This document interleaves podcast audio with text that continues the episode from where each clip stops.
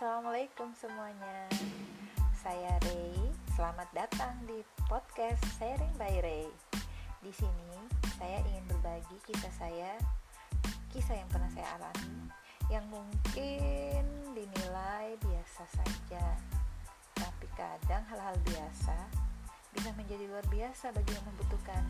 Karenanya Semoga bisa bermanfaat.